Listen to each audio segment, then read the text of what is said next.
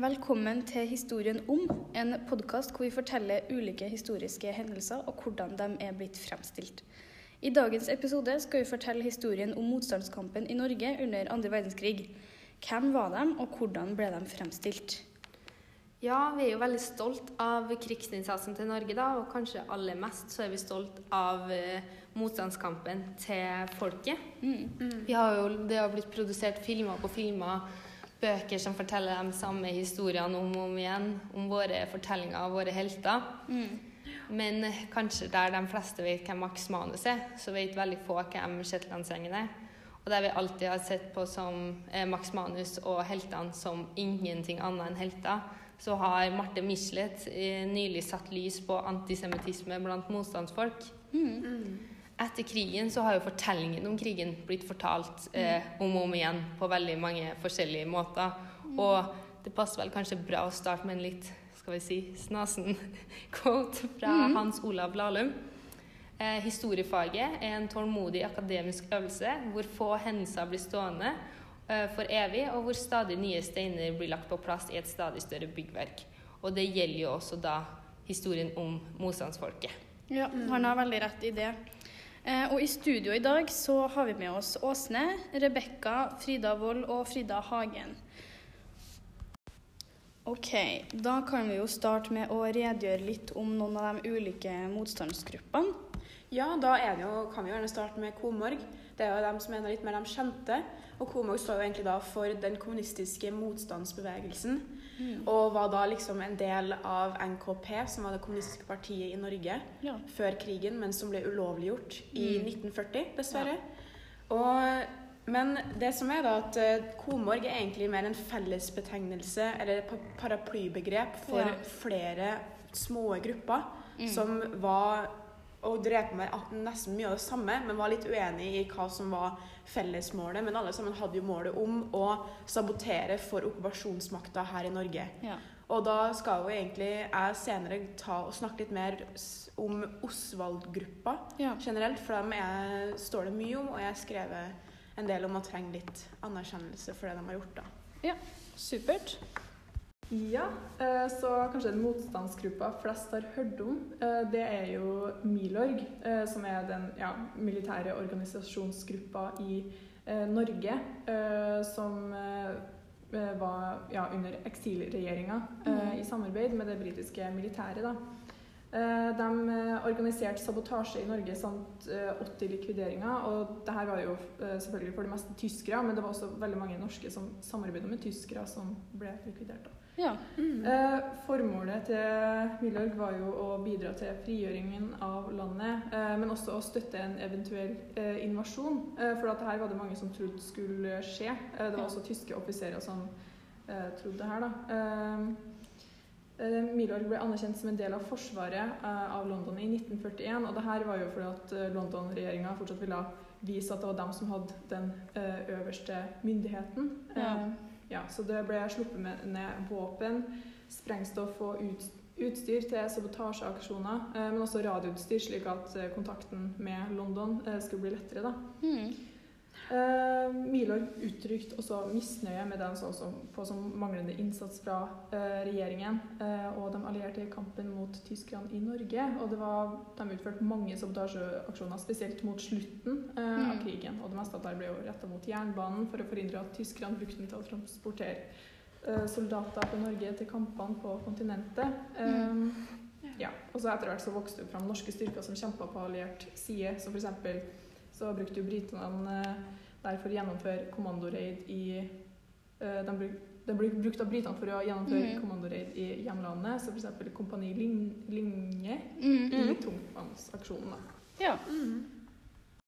Eh, ja, og så I tillegg til den militære motstanden så vokste det fram et eh, organisasjonsapparat som skulle øke den eh, sivile motstanden eh, i den norske befolkninga. Og det, eh, så Siborg den sørga for kontakt mellom folk innenfor kirka, skolen, kunst eh, og kultur, eh, Ja. som var mot. Eh, og eh, så da, da hjalp man hverandre med å skaffe f.eks. falske identitetspapirer og rasjoneringskort for dem som måtte gå i dekning. da. Mm. Det viktigste eh, arbeidet var jo nyhetsformidlinga. eh, For at ganske tidlig så ble BBC-sendinga nedskrevet og kopiert. Og etter hvert så kom det jo flere artikler om hva som skjedde i Norge, tyskernes politikk og analyser av krigføringene i hemmelige aviser. da. Eh, Og for eksempel da, så kunne jo det her ført til at eh, unge menn ble advart mot å melde seg til arbeidstjeneste. For at i for i 1944 så, så ville jo NS innkalle flere årsklasser av unge menn til arbeidstjeneste. Men pga. nyhetsformidlingene så fikk vi jo uh, flere mistanke om at det her faktisk var Ja, om det at man skulle være med Tyskland, da. Mm. Ja. Eh, det var jo mange som Altså en annen måte sivil motstand oppstod på, det var jo at mange rømte til Sverige, eller ja, ble en del av Gutta på skauen, eh, Mm. diverse miljøer, da. Eh, og ellers så var det jo annen måte å vise motstand, så eksempel ja, sånn symbolske greier, sånn som rød lue eller binders på jakka. Eh, Mm. også det å boikotte NS-arrangement, som f.eks. Uh, idrettsstevner og Ja. NS-styrte lærerforbund. da. Mm. Ja. Det er også en del, stor del av motstandskampen som kanskje ikke snakkes så mye om. Ja. Selv om de ikke er militære, så er det jo viktig arbeid som er gjort på den fronten Ja, også. vi ser jo at alle gruppene vi snakker om nå, har en god del eh, forskjellige måter å kjempe på Mm. og gjøre motstand på. F.eks. Komorg gjør for det meste bare sabotasje og litt andre greier. og de eh, gir ut eh, illegale avispapir og sånt. Mm. Mens uh, Grenselosene frakter folk over grensene. Ja. Men det er jo derf- kanskje derfor også det er så mange forskjellige grupper. Vi nevner jo bare en del av dem nå, men det er jo hemmelig etterretning og operasjoner under et okkupert land ja. som gjør, som gjør at Komorg blir en fellesbetegnelse for mange mindre organisasjoner, for det er Mm. vanskelig å ha et større nettverk operativt. Ja. Og selv om alle sammen hadde forskjellige måter å se på liv og ideologier og sånn, så hadde jo alle sammen fellesmålet om å Ja. sabotere og ødelegge for okkupasjonsmakten i Norge. For de ville ha et fritt Norge igjen, da. Mm. Ja, en gruppe motstandsfolk kanskje ikke så mange har hørt om, er jo eh, grenselosene. Mm. Grenselosene det var folk som bodde langs svenskegrensa, som bodde strategisk, sånn at de kunne lett hjelpe, eller lettere hjelpe folk over grensa. Ja. Og de meldte seg ikke frivillig for å bidra til noe, de bare så at de hadde mulighet til å berge liv, Mm. og dermed ble dratt inn i denne motstandskampen.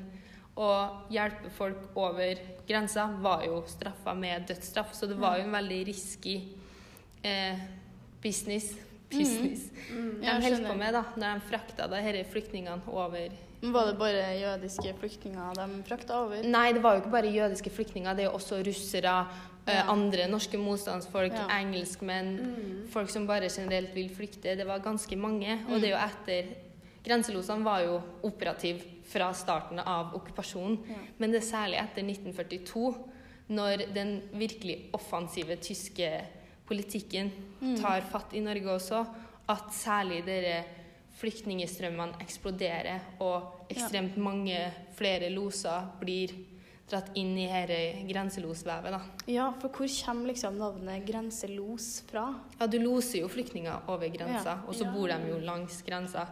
Herav grenseloser. Mm. Til da nøytrale Sverige, som ganske mange søkte flyktningrom i, da. Mm. Veldig interessant. Ja, En annen gruppe som også blir snakka veldig lite om, er Shetlandsgjengen. Eh, de var en norsk marineavdeling under annen verdenskrig. Og de seilte i hemmelige oppdrag mellom Norge og Shetland. Eh, og frakta bl.a. etterretningsfolk, flyktninger og militære forsyninger. Og i noen aksjoner så la de ut miner i norske farvann og gikk til angrep mot tyske skip. Eh, Shetlandsgjengen var først under britisk kommando, og så senere eh, så kom det nordmenn i ledelsen. Eh, først så brukte de vanlige norske fiskebåter, eh, men senere så fikk de utdelt amerikanske ubåtjagere eh, som de fikk overtatt. Og da mista de ingen soldater under oppdragene, og det gikk mye fortere og det var mye lettere å utføre aksjonene deres. Ja, så med denne infoen i bakhodet, så kan vi vel gå litt videre til å se på hvordan de her motstandsgruppene er blitt fremstilt i historiebøkene. Og da tar vi utgangspunkt i historiebøker på videregående eh, fra 1948, 68, 73, 84 og vår historiebok som er fra 2016. Ja, for som vi sa innledningsvis, så er jo det her podkasten 'Historien om', eller 'Fortellingen om'. Altså, og temaet er jo fortellingen om motstandskampen, så vi skal ikke fortelle om selve motstandskampen, men vi skal se på hvordan fortellinga og framstillinga av de forskjellige gruppene og motstandskampen har blitt lagt frem over årene. Og da har vi valgt å sette på først da, litt forskjellige historiebøker, og hvordan, hva de vektlegger, hva de nevner, og litt sånn da forskjellig til tilknytta de gruppene vi har utplukka. Ja, hvis vi starter med 1948-boka, da. Mm. Eh, noen som har noe å begynne med? Ja, nei, det, dessverre så står det lite om Komorg i noen bøker, bortsett fra 2016-boka som vi har i dag. Og det er nok eh, mest sannsynlig fordi at etter krigen så var kommunistene som var delaktige i Komorg-gruppene sånn, sett på som fiender, og noen man ikke kunne være med eller var sterkt mislikt pga. den kalde krigen som etterfulgte andre verdenskrig. Og det var ikke før i 2013 at staten kom ut med offentlig beklagelse og anerkjennelse mot gruppa her, da, som eh, da er mest sannsynlig grunnen til at de har fått lov til å få en plass i historieboka vår i dag. Mm. Ja, det er vel egentlig ingen av gruppene våre, eller gruppene vi har valgt å dratt fram i denne podkasten, som veldig klart dras fram i den 1948-boka. Det er vel mer en eh, historie om, eh, om krigen, nesten. Men Ja. det kan vi også, hvis vi spør oss grunner til det, så kan vi også si at i 1948 så hvis vi går tilbake til Hans Olav Lahlum, da, så er jo veldig få steiner av byggverket lagt på plass. Ja. Og som tidligere nevnt, så var det veldig store eh, undergrunns, hemmelige eh, Ja. Det her blir jo sett på som straffbart, så man har jo kanskje ikke satt det fram så veldig tydelig Ja, så eller- tidlig, da. Eller det blir ikke sett på straffbart i 1948, for da Nei, er jo nei, krigen under over. krigen, ja. Men under krigen så var det jo sett på straffbart, så da er det jo mye hemmelig eh, undergrunns... Eh, og man har Ja. ingen system eller noe sånt over det. Men Mm. 1948-boka nevner jo eh, Pål Berg og hjemmefronten, så det er jo klart at det var vana, men de har ikke bitene til det større puslespillet ennå. Ja, det var nok en god del som fremdeles var redd for å komme frem med alt sammen, for at man visste ikke helt hva som kom til å skje i nær fremtid Mm. etter Ja. krigen. Var redd Ja. at eventuelt noe kunne opp, eh, skje igjen, eller at eh, flere ting kunne komme som en konsekvens av det de drev på med under krigen. da. Ja. ja, som for eksempel så har jo ikke Milorg eh, fått navnet Milorg i den 1948-boka, og det er jo mer eh, lagt fram hvordan eh, den eh, at uh, folket hadde den her viljen for Ja. å ikke uh, ja, gå Mm. La seg ja, Mm. For det er, jo, Mm. det er jo viktig at vi ser på Det er jo derfor vi har eh, heter 'Fortellingen om' podkasten. ikke sant? For vi skal Ja. se på beretninga om krigen. Altså, en beretning er jo det som forteller om historien. Og Mm. da kan vi gå ut for at når de forteller om historien i 1948, så har de ikke alle bitene av historien klar. Og som du sier, f.eks. Milorg hadde jo ikke fått det navnet nå. Nei. Men de er kjent at det var en stor innsats blant folket og en hjemmefront, og at vi i hvert fall har etablert en grunnmur i motstandskamp i Norge. Ja. Mm. Mm. Ja. Med at det ikke var noe tydelig eh, kom frem noe tydelig motstandskamp i 1948-boka, så vil jeg jo bare understreke at det kommer jo frem at det var en viss type motstand, at folket sto opp eh, mot eh, NS og partiet, men at ingen sånn motstandsgrupper nevnes veldig tydelig. Vi kan jo ut ifra det ta det som Sivorg, men det var ikke noe etablert, eller vi visste ikke om det etablerte noe annet, at det var en hjemmefront styrt av Pål Berg, og det var stor motstand blant folket. Ja. Ja. Hvis vi ser litt på 1968-boka, eh, så står det jo heller ikke så mye om eh, Komorg eller eh, Shetlandsgjengen der heller. Eller grenselosene. Eller grenselosene, men det sto litt om dine, dem du hadde snakka om. Ja, det, det står jo masse om både kirkemotstanden og ja, biskopene på Ja. universitetet og idrett og masse, da. Men for det meste så handler det jo om at det var motstand mot de eh, ideene. da. Eh, for eksempel eh, den diktatoriske styremåten, den nasjonalsosialistiske ideene, uten at de faktisk nevner at det var Sivorg eller Milorg som en organisasjon. Som er liksom en holdningsmotstand, da. Ja, mer som det, da. At Mm. de frem at det norske folket var mot Mm. mot, da.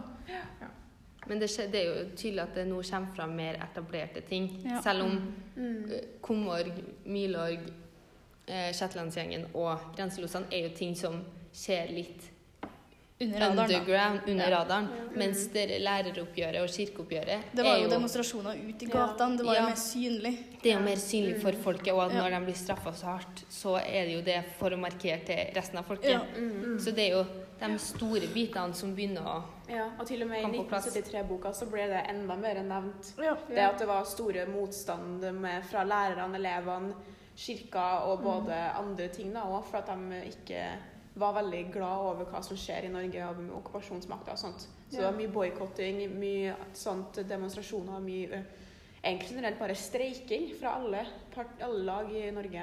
mm, Det er jo Men fremdeles i 73-boka så blir ikke Shetlandsgjengen, Grenselåsene og Komorg noe veldig spesifikt nevnt, men eller mer som at de kanskje eventuelt var involvert i noe av det der, da. Det, Men det står jo litt om, om transporten til Sverige i 73-boka. Mm. Bitte litt. Ja. Jeg blir kort nevnt bare. Men, eh, men det står jo ikke noe om at det var jøder som ble frakta, eller noe sånt. Nei, det, står, det er veldig kort nevnt. Det er egentlig Mm. bare stor snakk om alt det felles dugnaden nordmenn Ja. for hverandre. En fellesnevner for de her tre første bøkene er jo at det er mye tapperheten det snakkes om da. Ja. Mm. Og at liksom det store heorismen blant folket, motstand Det er liksom ikke noe kritikk eller noe negativt annet enn at det er oss mot Quisling og nazistene, liksom. Ja. Mm. That's it. Um, Ja, Hvis du ser på det sammenligna med 84-boka, da, eh, så blir jo Milorg nevnt eh, der. Og det står jo eh, en hel side til sammen nesten om militær motstand her i Norge. Um, så den tar jo for seg mye av det her, og nevner også tungtvannsaksjonen på Rjukan og litt sånn. Uh, så her ser man jo en, en stor forandring fra de andre historiebøkene. Mm. Mm. Ja, altså I de første bøkene så er det mye mer detaljert om f.eks. kirkemotstanden. Uh, Ja. og så var det jo litt uh, eh, spesiell uttalelse i spesielt den 73-boka om Mhm. hvordan nazistene eh, eh, frykta Den norske kirke og sånt, ja. Mm, Ja. Så det er jo egentlig Men vi ser jo over at de, den boka fra 80-tallet sklir mer over inn i litt mer upartisk Ja. måte å se på historien på, mens de andre bøkene kan se på oss litt mer som partisk. man kan stille oss det spørsmålet, at det er mer upartisk i skrivemåten. Mm. Men på 80-tallet så burde jo flere brikker ha blitt lagt på plass Ja. enn Absolutt. det det er skrevet i boka. Og hvis du, som du nevnte tidligere, Komorg blir jo ikke nevnt pga. det dårlige ryktet de får. Ja, Det samme de, gjelder jo for grenselosene. De fikk ekstremt dårlig rykte etter krigen som landsviktere og sånn. Særlig da de samiske grenselosene. Så selv om vi kan si at skrivemåten er upartisk, Ja. så kan vi også som en beretning si at på 80-tallet så var flere puslespiller lagt Mm. på bordet, men de valgte å ikke ha dem med Ja. Samfunnet på den tida og synet Mm. på flere grupper. Ja.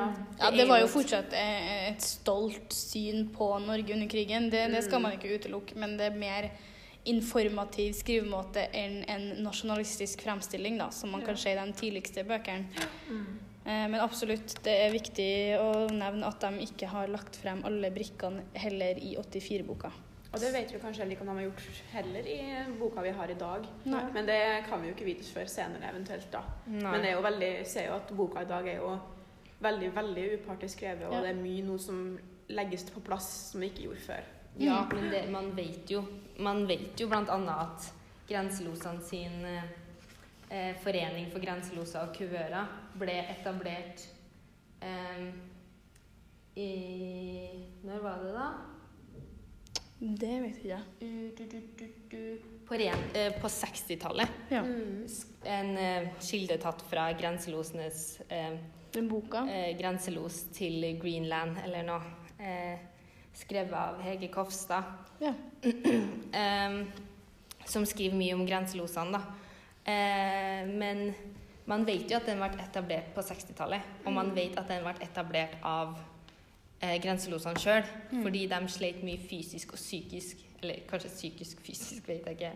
Men i hvert fall psykisk etter krigen. Mm. Og de hadde veldig lite støtte fra landet, for de fikk veldig dårlig rykte. Mm. Og da måtte de etablere det sjøl, så vi vet jo at siden det skjedde på 60-tallet, så burde jo i hvert fall 73-boka og 84-boka Ha skrevet om det, ja. ha nevnt det i Ja. noe større grad enn det er, for vi vet at grenselosene var etablert, og hva de gjorde. Mm. Men det er jo valgt å plukke unna pga. ryktet de tok på seg etter krigen. Ja. Og det samme gjelder jo sikkert for Komorg, da. Og dem Ja, de har var jo holdt seg egentlig veldig mye mer underground, da, fordi at det var så stor mis... øh, At det var så stort mislik blant dem som var sett på som kommunister i Norge mm. av kalde krigen og det nordmenn fant ut at Sovjet drev på med da, etter hvert. Og øhm, det har jo egentlig ikke kommet ut før i 2013 som den før at det var da staten kom ut og anerkjente og sa at de var jo med og hjalp mm. til mye under krigen, sjøl om de var kommunister. Ja, og litt det samme kan jeg også si om Shetlandsgjengen. Eh, for dem eh, eh, Ja, da, nevner, da kan jeg jo si litt at jeg så den filmen som er laga om dem. Eh, og der viste de at de som var ute på fiskebåtene og frakta flyktninger eller eh, eh, militært materiell, ble jakta på av eh, norsk politi.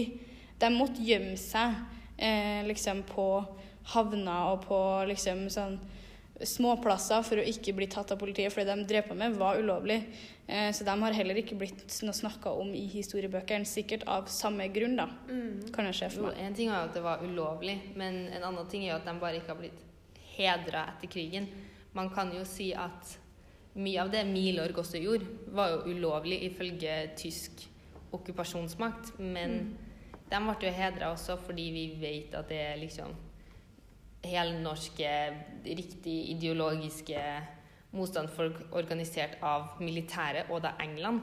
Mens Komorg vil vi jo kanskje ikke Nei, for den var jo mer da, organisert av kanskje vil jeg sett på som Sovjet og sånne greier. da. Ja, Mm. Eller av, eh, av NKP, som egentlig var da ulovliggjort i 1940. mm. Mm. Men det er jo helt eh, klart et poeng at eh, det at det var ulovlig, også spilte inn en rolle, da. Eh, eh, den eh, nye eh, historieboka, den vi har, den 2016, er jo litt mer Jeg vil si partisk Nei, mindre partisk og mer Mm. eh, Nøytral. objektiv Mm. enn de andre, for den tar jo for seg alle, i hvert fall flere av Grenselosene blir jo nevnt, og Komorg blir jo nevnt. Eh, Shetlandslengen blir jo litt nevnt, men de er der. De de blir også. nevnt som på en måte krigsseilere. Ja. men altså, det står ikke så veldig mye om dem, da. Det gjør det ikke. Nei. Og så Milorg og Syvår blir jo mye nevnt Mm. her. Enda Ja. mer enn de har blitt før, da, så har de fått en felles betegnelse for Absolutt. den typen Mm. motstand. Som de drev på med.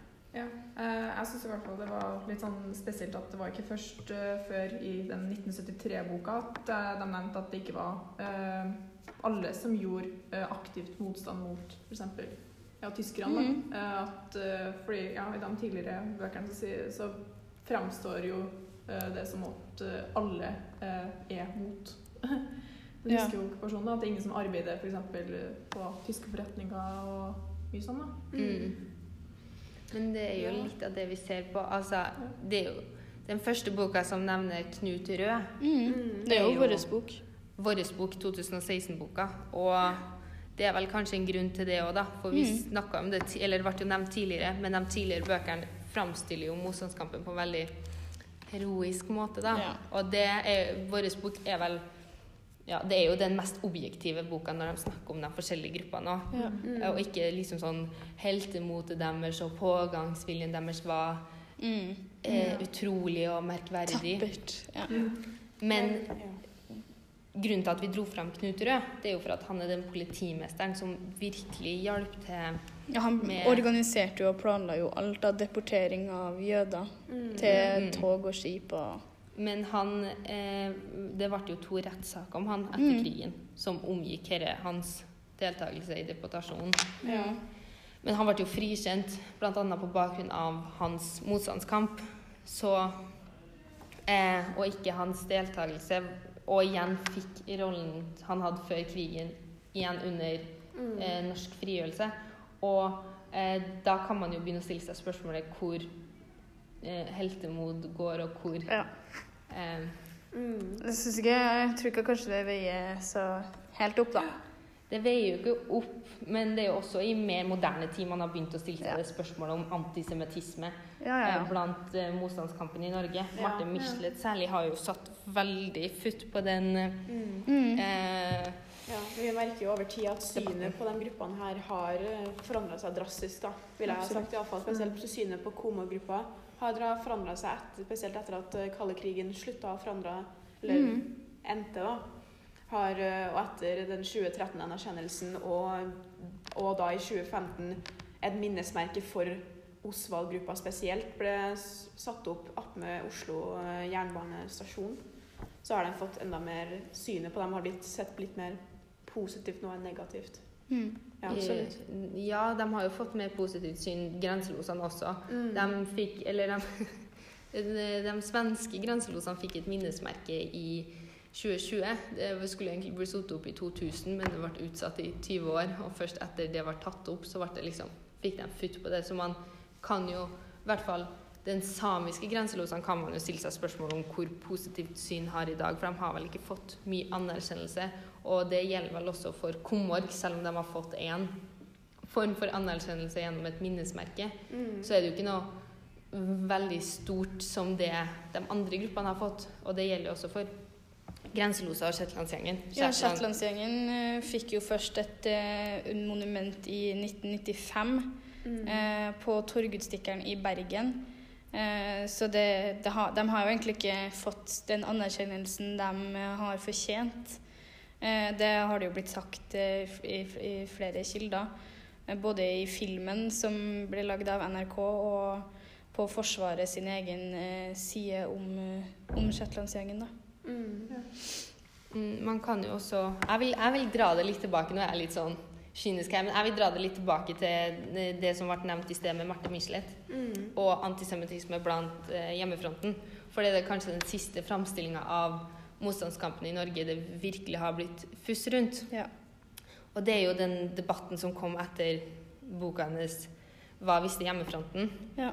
Og det handler jo om eh, eh, hovedsakelig at det kanskje ikke er noe skille på eh, at, det er, nei, at det er et skille på antisemittisme og eh, mot nazistene. Og at selv om motstandskampen i Norge kjempa mot nazistene, så var det fortsatt flere av dem som var antisemittistiske, og som drev litt på eh, Var litt nedverdigende og eh, diskriminerende mot jødene. Mm. Og det er jo et, eh, en framstilling som har fått veldig masse kutt Ja, i det siste.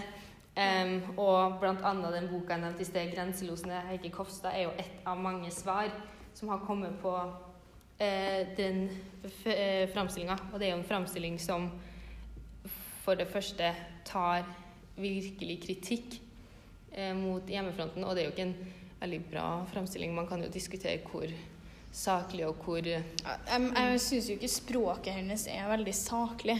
Det er jo veldig aggressivt, på en måte. Mm. Og det svekker jo litt troverdigheten til en viss grad. Ja, det Men det er, jo, på det er jo viktig å ta opp for det, og det er jo bra at det settes i lys. Det er det jo viktig å nevne. Mm. Ja. Ja, man kan ja.